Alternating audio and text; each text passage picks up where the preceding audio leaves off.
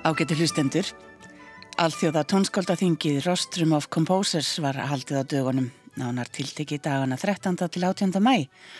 Að þessu sinni var það haldið í Argentínu, í Bariloche, í Rio Negro hýraðinu í Patagoníu. Á sama tíma fór fram alþjóðlega tónlistarháttíð í borginni og var það í fyrsta sinn sem svo háttíð var haldinn. Bariloche er um 120.000 manna borg í norðvestur Patagóníu. Nafn borgarnar er fengið frá Mapucho-indjánum og þýðir fólkið sem býr umlukið fjöllum og það eru sannlega orðasönnu. Andes fjöllin blasa við í fjarska en önnur háfjöll umlíkja dalin þar sem borgin er og hún liggur sunnan við Nahuel Huapi vatnið og nafn þess kemur einni úr Mapucho-máli og þýðir auga jaguarsins. Um 600 ferrkilometra stærð og um 450 metra djúft þar sem það er dýfst. Sannarlega stórkoslegu umgjörð fyrir alþjóðlega tónlistarháttíð og tónskald og þing og Andi Frumbyggja var einnig nálagur í formi hljómsveitar sem nefnist Orquesta de Instrumentos Autoctonos y Nuevas Tecnologías sem gæti útlagst sem hljómsveit Frumbyggja hljóðfara og nýrar tækni. Þeirri hljómsveit stýri tónskáldið Alejandro Iglesias Rossi og mun ég ræða við hann hér í síðari hluta þáttarins. En fyrst ætlum við að forvitnast um tónlistarháttíðina sem fór fram þarna í fyrsta sinn eins og ég saði og heyrim hér viðtal sem ég átti við stjórnandaháttíðarinnar Martín Fræle sem auk þess er stopnandi og aðalstjórnandi Fílharmoníu hljómsveitarinnar í Rio Negro. Ég byrjaði á því að spyrja nút í stöðu samtíma tónlistar í Argentínu. Well, contemporary music in Argentina is mostly produced and performed in Buenos Aires, in the biggest and the metropolitan city.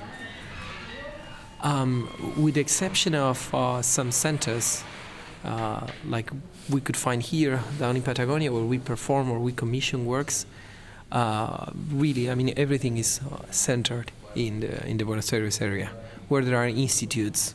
I would say the Col- the Colón Theater the experimental studies is one of the biggest centers, or, or probably the most important. Uh, University of Tres de Febrero as well. They have uh, an institute for that.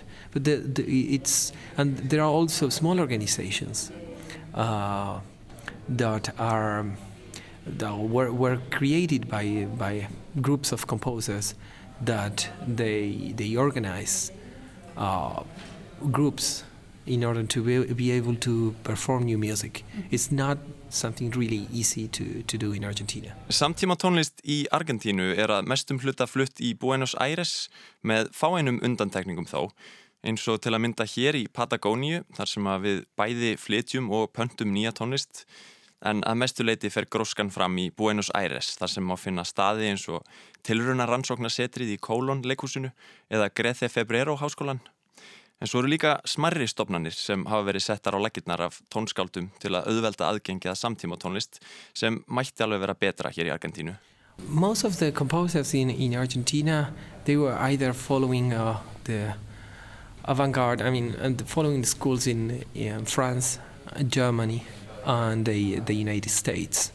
And most of them have uh, had well, had had studied in, in Europe or, or the States, and they returned to to Argentina, where they sometimes I mean is, is the the variety is great, and some some of them really still not having any vernacular uh, connection, meaning no no connections uh, with Argentinian mu music, uh, and some of them mixing the folkloric music with uh, with contemporary with a contemporary academic approach. Mm.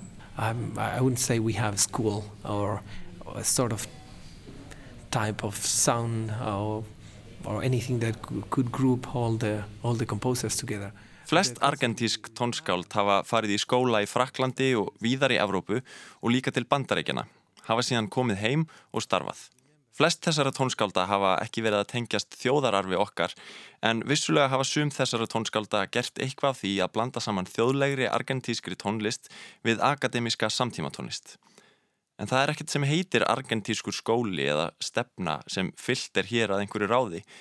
Tónlistin er eins fjölbreytt og tónskáldin eru mörg og ég held að það hafi komið berlega í ljós hér á þessari háttíð í Bariloche. We wanted to launch a festival here because in, in Bariloche until 2013 uh, there used to be a festival named uh, Semanas Musicales which was only only focused on classical music. Classical period, the most well-known music uh, from the standard repertoire. And it, it, was related to, to tourism and to a certain uh, type of people that could afford flying to Buenos Aires, uh, from Buenos Aires mostly or from abroad, coming to Bariloche, coming to a five stars hotel, and enjoying or consuming that, that kind of product.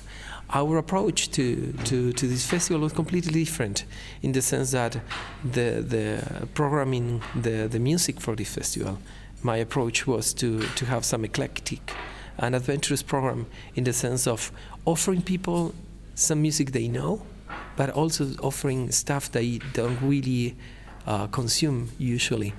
You take a, as an example the, the concert from yesterday. Um, we had a full house with 150 people attending a contemporary music co- uh, uh, program. Most of them, I think this was the very first time they, they, they attended such a concert. When I, when I perform contemporary music my, with my orchestra, uh, of course they, they come because I, I, could recognize most of those faces. Uh, but we, our goal was to, to awake that that kind of um, curiosity in terms of uh, approaching to music that they usually don't, don't consume and I think in that sense uh, it has been really successful.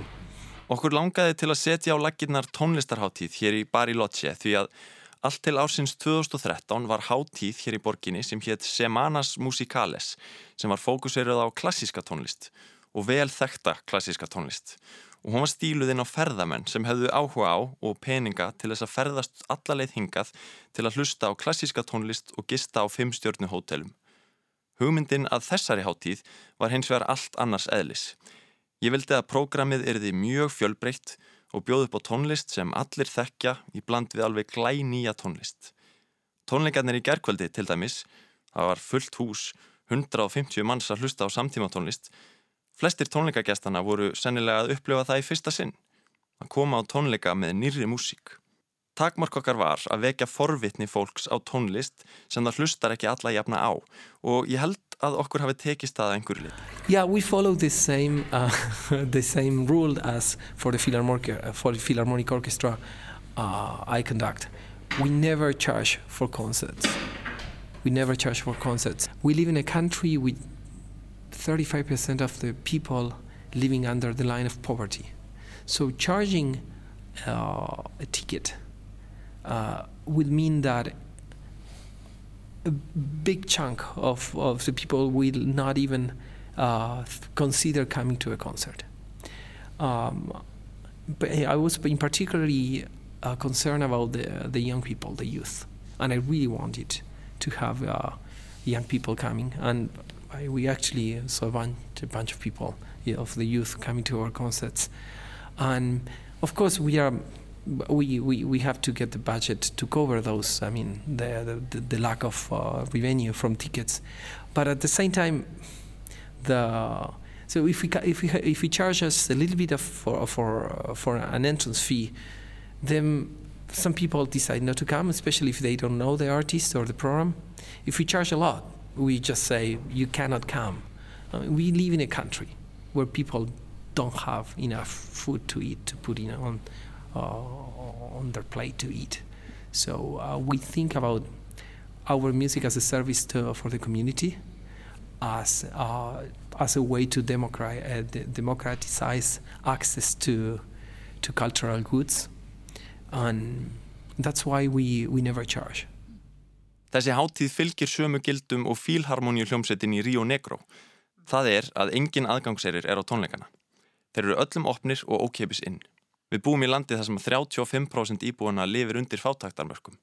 Þannig að ef við ætluðum að fara að selja einn á tónleikana myndi það þýða að stór hluti þeirra sem komi á tónleikana núna hefði ekki einu sinni hugsaðum að mæta. Mér var umhugað um unga fólkið og mér langaði til að fá það inn á tónleikana. Og það gekk upp. En ef miðaverð hefði verið og það hátt hefðu við eins geta sagt því miður, þú getur ekki komið. Staðan er bara svo, þú kaupir frekar mat en að borga fyrir tónleika. Þannig að við hugsuðum um starf okkar sem starf í þái samfélagsins, sem líðræðislegan aðgang að menningar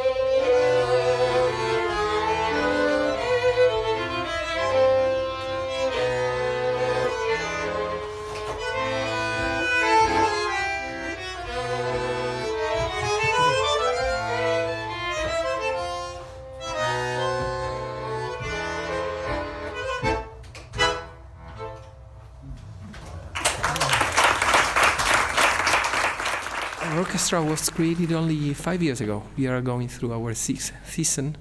It's the southernmost orchestra in the world, and it's a young orchestra. In at least in two ways, it's young because we have a, a rate of about 27 years old uh, performers, and it's young because we don't have traditions. With all the good and bad aspects about uh, about that. Um, so we, we didn't have enough people to, to, to create an orchestra. So we right now have about 55, 55 uh, performers in this orchestra. It's a small symphonic orchestra. 50% of them, a little bit higher actually, uh, are, were not from the Rio Negro province. So they came from different parts of the country and also from, from other countries. So um, our orchestra has some characteristics uh, that make it particular. Um, one of them is that we we are based on on a city, but not all the not all the musicians live in in that city. That city is, uh, is named uh, which uh, and it's around in in the middle of the province. We have to think about on a, on a province that is quite large. It's the fourth largest in Argentina, that has about a little bit over 1,000 kilometers from east to west and a little bit over 500 kilometers from north to south. So it's pretty huge. Fílharmoníu hljómsveitin í Rio Negro var stopnuð fyrir fimm árum. Við erum nú á sjötta ári. Þetta er siðsta hljómsveit í heimi, ung hljómsveit. Það er stutt síðan hún var stopnuð og svo er meðalaldur meðlema hennar 27 ár. Það eru engar fastráningar og það er bæði gott og slæmt. Við vorum ekki með nógan mannskap til að mynda hljómsveit hér í Rio Negro en hljómsveitin samanstendur af 55 hljóðfæraleikurum frá mismunandi stöðum í Argentínu og líka annar staðar frá. Hún hefur fastan samastað sem er Chipoletti í miðju Rio Negro sem er reysastórt svæði. Fjórðastæsta héræðið í Argentínu með um það byrj 1000 km frá austri til vesturs og 500 km frá norðri til söðurs. Þannig að þetta er stort svæði. Hljóðfærarleikararnir, eins og ég sagði, koma víða að en eiginlega frá þremur landfræðilegum punktum. Þannig að hljómsettin var byggð upp þannig að hún getur verið í smarri pörtum, hún getur skipt sér upp í kammermúsikhópa sem hafa skildur til að halda tónleika fyrir sitt samfélag. Á ári eru þetta um 40 slíkir kammertónleikar og við erum að tala um klassíska kammermúsík og líka þjóðlega tónlist, tango og jazz. En á þryggja vikna fresti kemur svo hljómsettin öll saman á einhverjum af þessum fjórum stöðum og heldur tónleika. Venjulega höldum við tónleika á förstu degi og laugadegi og stundum á sunnudegi líka á þryggja vikna fresti. Þannig vinnum við. Það er náttúrulega slæmt að því leiti að við erum ekki að æfa saman á hverjum degi eins og venjulega hljómsveitir en það góða við þetta er að andi hljómsveitarinnar er mjög ferskur. Okkur finnst gaman að hittast þegar við hittumst og erum tilbúin í slægin. Þetta er sérstaklega ekki eins og skrifstofirna og svo fáum við að ferðast mikið í allar áttir. Það er gríðaleg orka í þessari hljómsveit. People getting together every day playing next to each other because we have a woodwind section divided in two, four and four or five and four, um, or five and five, whatever. but it depends uh, how how um, depending on the, on the program. The good thing is the the spirit of the orchestra is really fresh because they they are eager to see each other because they don't see every day. It's not like an office job, and they get to travel all the time because they have to travel from north to south to from west to east. So I would say that's a good a good thing about the energy uh, that the orchestra has.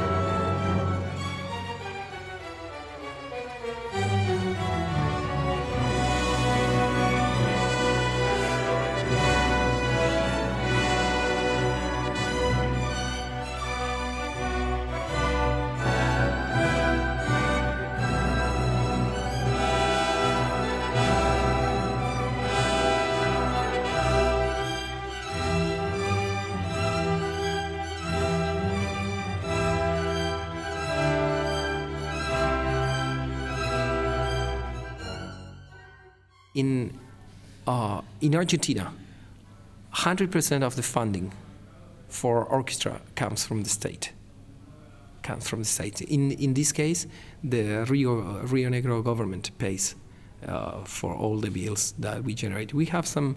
We have developed uh, during this time some uh, private sponsorship, but Argentina doesn't have a tradition of having the private sector supporting cultural um, uh, events or cultu- uh, cultural development, as for example in the United States, where 90% of the funding comes from the private and only uh, 10% comes from the, from the state. Í Argentínu kemur 100% af rekstrarfið hljómsveita frá ríkinu eða sveitafélögum og í okkar tilfelli er það Rio Negro sem greiðir allan kostnað. Hér er ekki hefð fyrir styrtaraðilum úr engageranum eins og til dæmis í bandaríkjunum.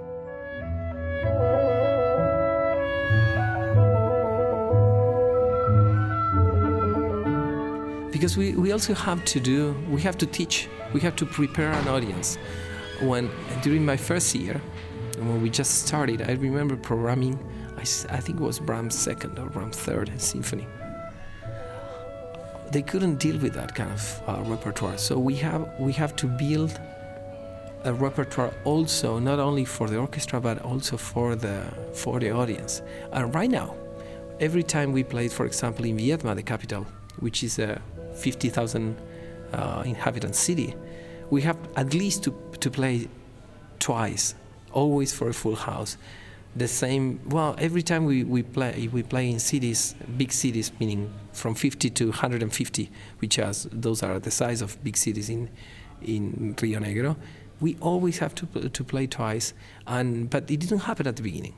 We, we have to develop that. So we, we play folklore music, including including that category tango. We play film music. We play standard repertoire, and we have since 19 uh, um, 2015 we started uh, playing uh, contemporary music and commissioning works for for composers so so far in between in the last four years we have premiered around 30 works Ég man þegar við vorum nýbúin að stopna hljómsveitina þá spiluðu við á einhverjum af fyrstu tónleikunum þriðju sinfoníu Brahms og það gekk ekki vel í tónleikagesti. Þeir voru ekki tilbúinir í hana. Þannig að við þurftum að velja okkur verkefni af kostgefni og byrja frá grunni. Núna til dæmis, þegar við spilum í Vietma sem er höfuborg Ríó Negro með 50.000 íbúa verðum við að hafa minnstakosti tvenna tónleika og það er alltaf húsfyllir og það gerist í öllum þeim borgum sem við spilum í í. Alltaf tvennir tónleikar en það var sko ekki þannig í byrjun. Þannig að við verðum að vera mjög sveianleg hvað var þar verkefnaval. Við spilum þjóðlega tónlist, tango, kveikmyndatónlist, klassísk verk og síðan 2015 höfum við leikið samtíma tónlist og pantað verk frá tónskáldum og frumflutt um 30 verk. Festival Internacional de Bariloche. This is the first edition, and and the rostrum is responsible. En aftur að hátíðinni. Það er alþjóða tónskaldaþingið Rostrum of Composers sem er núna ábyrgt fyrir því að alþjóðlega tónlistarháttíðin í Bariloche er haldin í fyrsta sinn. Við náðum að tryggja henni fjárhagslegan grundvöll með því að færa þingið hingað. Skilabóðin til stjórnvalda voru þau að okkur væri treystandi fyrir slíkum viðburði. Háttíðin hefur gengið framar vonum og ég er þegar komið lofar fyrir næstu háttíð á næstu ári þannig að við gætum bara ekki verið ánæðari. That I, I have already granted the budget for next year. So we are so, so happy. Mm-hmm.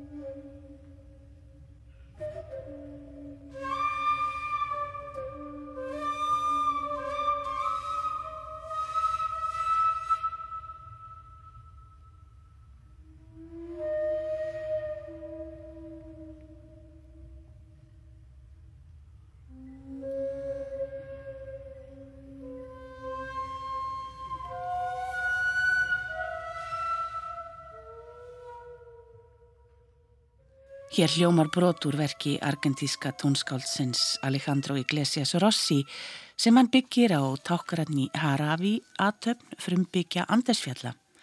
Leikið af hljómsveit frumbyggja hljóðfara og nýrartækni sem Rossi stopnaði fyrir um 20 árum.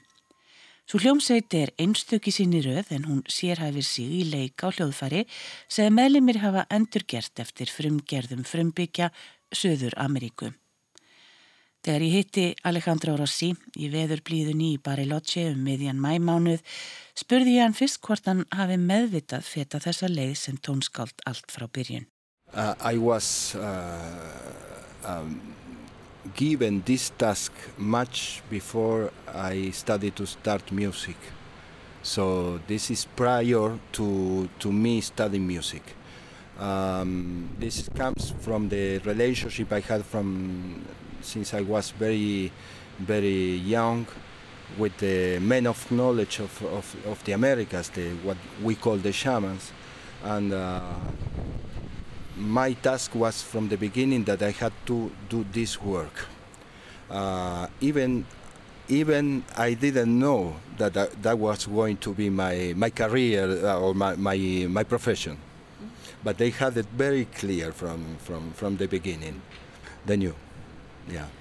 Mér var gefið þetta verkefni laungu áður en ég byrjaði að læra tónlist. Þetta sögðu mér vitrir menna frumbyggjaættum sem við köllum sjamana. Það var skýrt í þeirra huga, allt frá upphafi, laungu áður en ég var eitthvað farin að spá í minn feril sem tónskáld eða í tónlist yfir höfuð.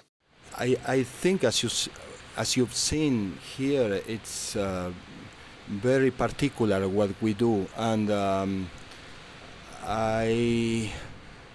haven't found uh, these um, people that have worked. If well, actually, if we have to to to find some parallels, I would say that, for instance, Bela Bartok did or Zoltan Kodali, they did something like this, um, and uh, they they went to to look for the ethnic traditions, then uh, brought it to, to, to art, to music, to the concert hall, but also teach uh, like met, Kodali's method in, in the academy. My, my, my task is to all those instruments uh, and, and the philosophical view, the cosmo, cosmological view with the mythology and the symbolism that had the pre-Columbian and up to now the the indigenous uh, cultures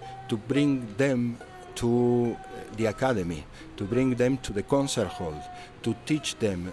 Because, for instance, one important thing is that uh, uh, this idea that comes from the Industrial Revolution, that uh, uh, everything is on on uh, on different Eins og þú hefur séð hér, þá er þetta ansins sérstakt hvað við gerum í hljómsveitinni. Ef hægt væri að líka þessu við eitthvað, þá er þetta svipað og Bela Bartók og Zoltan Godai gerðu í Ungverðarlandi á sínum tíma. Að safna þjóðlugum, varðveita þjóðararfin og nýta hann sér í sína eigin tónlist og kenna, það er mitt verkefni, að miðla tónlist með þessum hljóðfærum og allri þeirri visku og heimspeiki sem likur að baki þeim í hennu stóra samhengi bæði dölsbeikinni og hinnu tákræna sem fylgir öllu því sem tengist frumbyggjum Suður Ameríku. Að færa þessa visku inn í akademíuna og færa hana í tónleikasali út um allan heim. Eitt af því sem yðinbildingin kom með var að skapa svona hillur fyrir einstaklingin, tónskáld sem leikur ekki á hljóðfæri, hljóðfæraleikara sem semur ekki tónlist.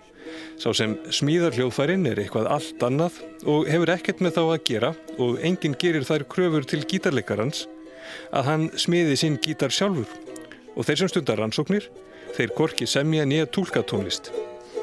En það sem við gerum í okkar námi, sem framferi í háskólanum í Buenos Aires, er að samina þetta allt, fara á fulltinn í hefðirnar, finna sér hljóðfæri, læra á þau og læra að smíða þau og semja tónlist fyrir þau. Og þannig að reyna að brjóta niður þessa lagskiptingu verka sem Chaplin gerði meðal annars grínaði í myndsinni Modern Times. unfortunately it's the only way it's the only place and that's why we have in the orchestra uh, members from the United States, Colombia, Venezuela. Háskólinn í Buenos Aires er eini staðurinn í heiminum þar sem þú getur lagt stund á þetta nám og þess vegna höfum við nefnendur allstaðar að frá mörgum löndum Suður Ameríku en líka Bandaríkunum og Fraklandi. Vorandi bjóða fleiri háskólar upp á þetta nám í framtíðinni en allir hljómsveita meðliminnir sem eru hér hafa farið inn á Amazon svæðið og þekkja það vel. and uh, to research too. All, the members that are here, the orchestra have been in the Amazonas and everywhere.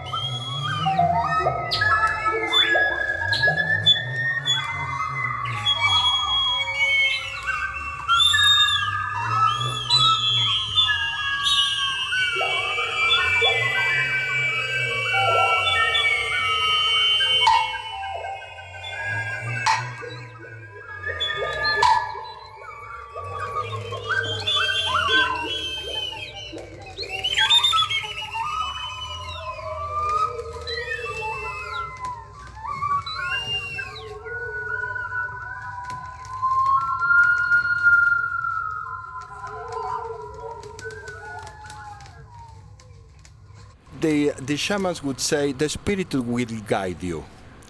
So uh, once we understand, because they are very complex, we are talking about people that were really intellectuals, intellectuals that, that are very close to the view of the medieval uh, universities like Trivium and Quadrivium, people that knew about uh, astronomy, uh, music, mathematics, geometry, everything, mythology, symbolism, of course. So the, the encrypted in the instruments are a very sophisticated, exquisite uh, organology.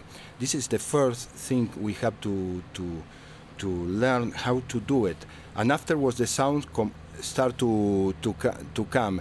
And then, as in the piece you heard with the, with the, with the birds, each one of the of, of the players had to dream the, the, the bird before making the, the sounds and afterwards because uh, there is this tradition in, in, in the Americas that uh, these spirit birds are the ones who, who teach us uh, their sounds. So what you heard was not only how to make the sound, but how these birds, uh, invisible birds, are able to connect with, uh, with us. Sjamanarnir segja, andarnir munu leiðbina þér. Við erum að tala um fólk sem var mjög gáfað og mentun skiptið að máli. Og það má líka þessu við mentun í miðalda háskólum. Stjórnufræði, tónlist, starfræði, rúmfræði og dulspeki og tákfræði. Ekkert var þeim óvið komandi. Í frumgerðum hljóðfæra sem fundist hafa og eru á söpnum eru ristar upplýsingar um hvernig hljóðfærið virkar og hvaða þýðingu það hafði. Þannig að við getum í raun bara fyllt þeim leiðbenningum og lært svo betur að mynda hljóðið og ná valdi á hljóðfærinu. Hvert hljóðfæri er sérstakt. Hver meðlemur hljómsveitarinnar hefur búið til sitt eigið hljóðfæri og eins og þú sást á tónleikunum eru þau fjölbreytileg. Mikið af fugglum og ímsum annars konar dýrum okkarínur og hljóðfæri þar sem vatn fer frá einum staði verið í annan og skapar í leiðinni hljóð, flautur og slagvers hljóðfæri, en hver hljómsveitarmeðlumur þurfti að finna sitt dýr, sitt hljóðfæri í draumi. Í kjölfærið kennir fugglin eða dýrið þér að spila á hljóðfærið og tengja við það. Ég leik á Jaguar og Súsanna sem er yfir íkonunum okkar er bæði hinn heilaga ugla og gullni fugglin Fönix.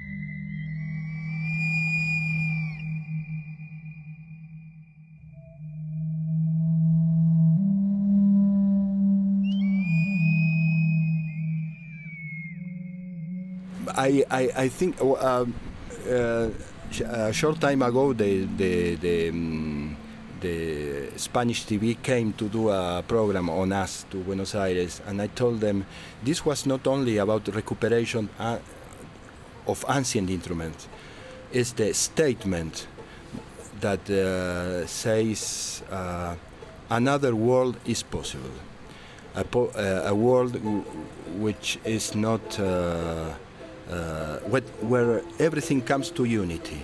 That, uh, for instance, we are able to to to to do things with, for instance, Carlos Núñez, the great bagpipe from Galicia, because uh, we go to a point where all the ancient tradition get together.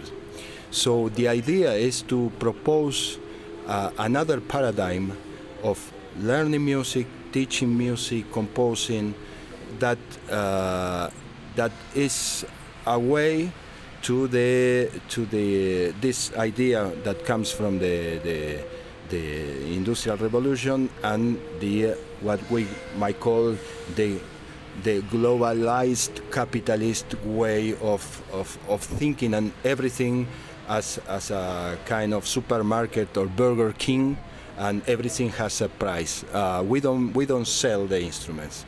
It's forbidden. We don't, we don't we and we can teach you.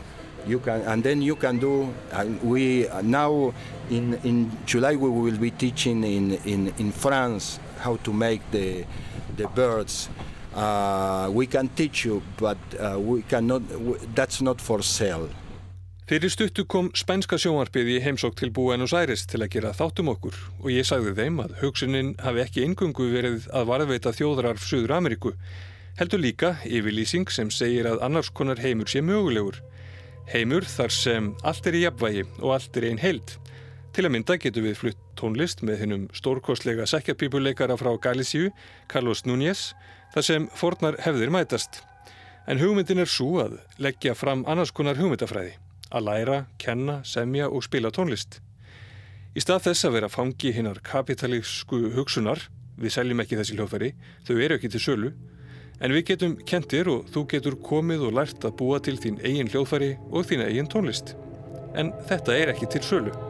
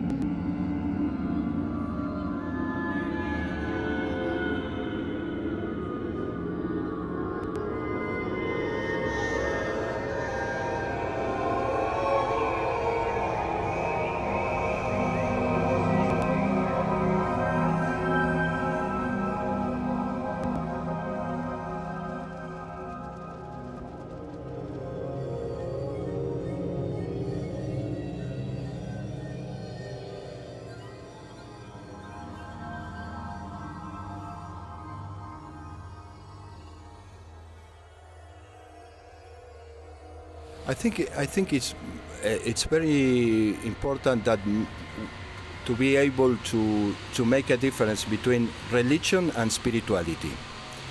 Uh, religions always fighting one one each other, but spirituality uh, there is a point that all spiritual search are the same.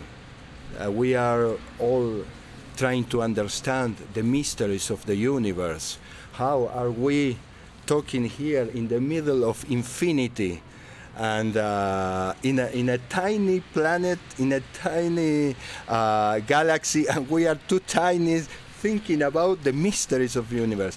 And uh, when we get to the point, that point, uh, uh, the the uh, the, the dialogue between a shaman and a, and a priest and a, and a rabbi, uh, uh, it's completely natural.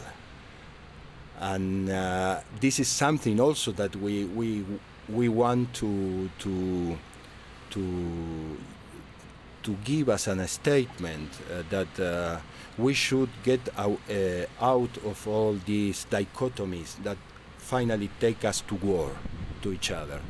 And there is this place that we can, there is a kind of spiritual brotherhood that uh, it's, it's very clear. Ég held að það sé ágætt að gera greinarmun á trúarbröðum og hinnu andlega. Trúarbröð hafa leitt af sér mörg stríð en það er sagt að öll andleg leit sé leitað hinnu sama. Við erum öll að reyna að skilja lindordóma alheimsins. Hvernig getum við verið að tala hér saman í miðjunni á óendanleikanum á lítilli plánetu í pínulitli sólkerfi? Við erum of smá til að vera að hugsa um lindordóma alheimsins. Og samræður sjámana og prests eða rappina eru eins. Við ættum öll að reyna að koma okkur út úr þessari tvískiptingu sem á endanum leiðir af sér stríð manna.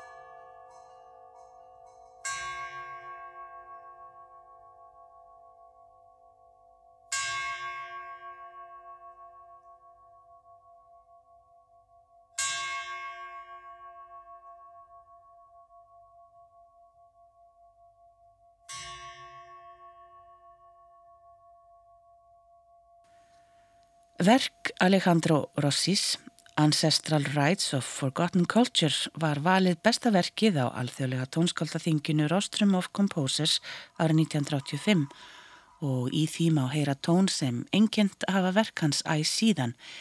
Ég spurðan hvort þetta hefði breytt einhverju fyrir honum. The rostrum was very important because uh, gave me the possibility to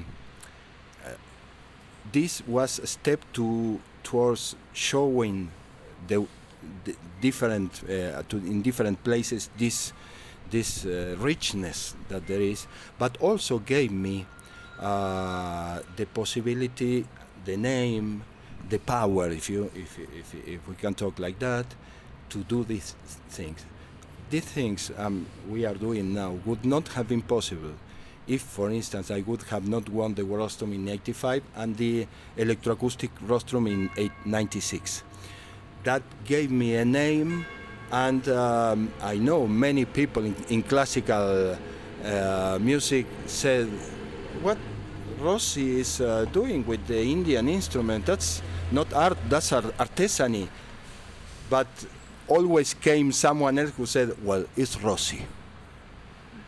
Let him." So that allowed me to have the power to uh, introduce it in the university, to create a bachelor degree, a master degree, a center of ethnomusicology, uh, ethnomusicology and creation in traditional and avant-garde arts. So uh, from the from the start point it was all together and showing that uh, a spiritual uh, tradition must be creative. And to be creative we have to in one way or the other relate to to to the your geoculture your uh, your your background. So að verkið mitt skildi hafa verið valið besta verkið á Rostrum árið 1985 var afar mikilvægt.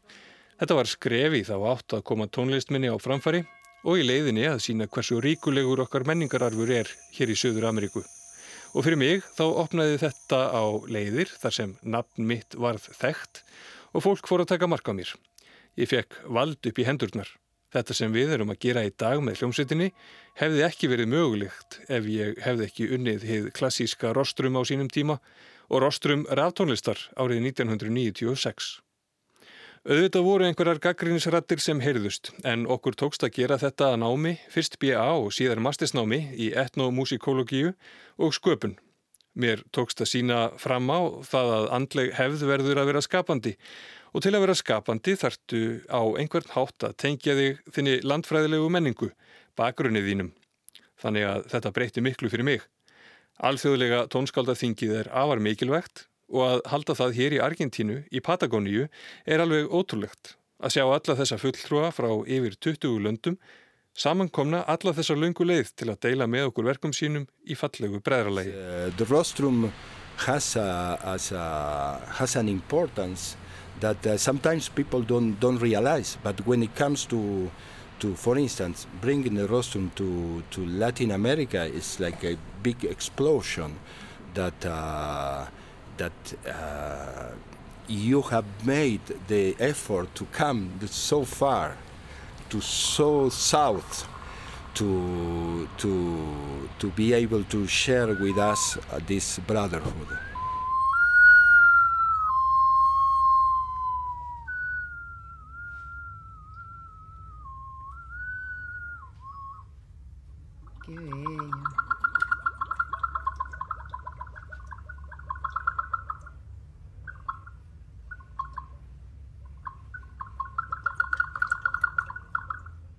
Ágætu hlustendur, ég kveð þá Martín Freile og Alejandro Rossi og þakka fyrir mig. Þessi vika í Patagóniu var ævintýri líkust. Við endum þáttinn á því að hlýða á verkið Long Quen eftir tíleska tónskáldið Sergio Ortega. Í flutningi hljómsveita Freile og Rossis. Það er hljómsveitar frumbyggja hljóðfara og nýrar tækni og fílharmoníu sveitarinnar í Rio Negro. Langquen er bær rétt fyrir utan borgina Santiago í Chile. Árið 1978 voru námumenn að vinna þar og brutu niður múrvegg. Við það fundi þeir lík fjöldamanna sem höfðu verið falinn allt frá valdaráni Pinochet árið 1973. Verkið byggir á heilugum ritmum Mapuche-Indiána Patagóniu. Það eru Susana Ferreres sem syngur hér verkið Það er Susanna Ferreira sem syngur hérverkið en útsetninguna gerði Alejandro Rossi. Þannig að til næst hafi það sem allra best.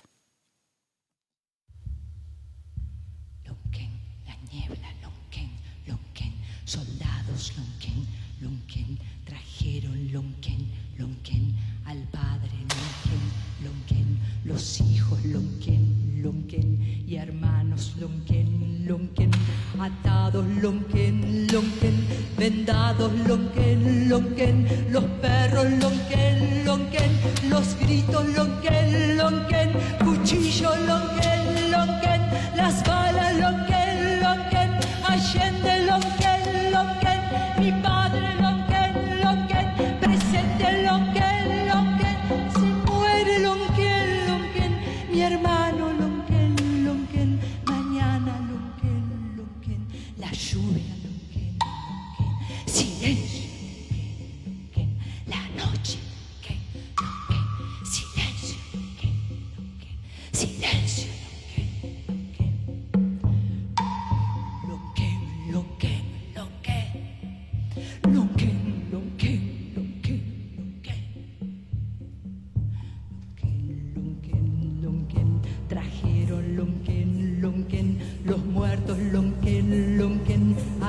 Abrieron Lonquén, Lonquén, la mina Lonquén, Lonquén, abrieron Lonquén, Lonquén, los hornos Lonquén, Lonquén, hundieron Lonquén, Lonquén, los cuerpos Lonquén, Lonquén, echaron Lonquén, Lonquén, la tierra Lonquén, Lonquén, taparon Lonquén, Lonquén, la sangre Lonquén, Lonquén, sencilla Lonquén, Lonquén, cinco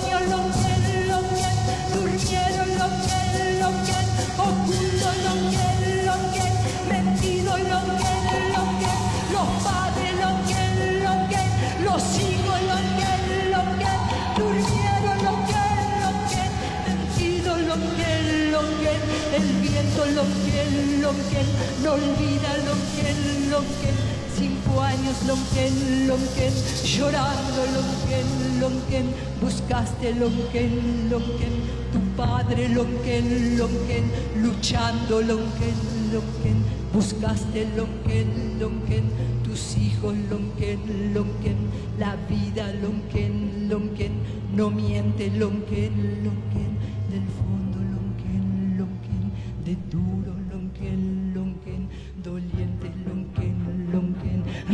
Renace lonquen, lonquen, la fuerza lonquen, lonquen,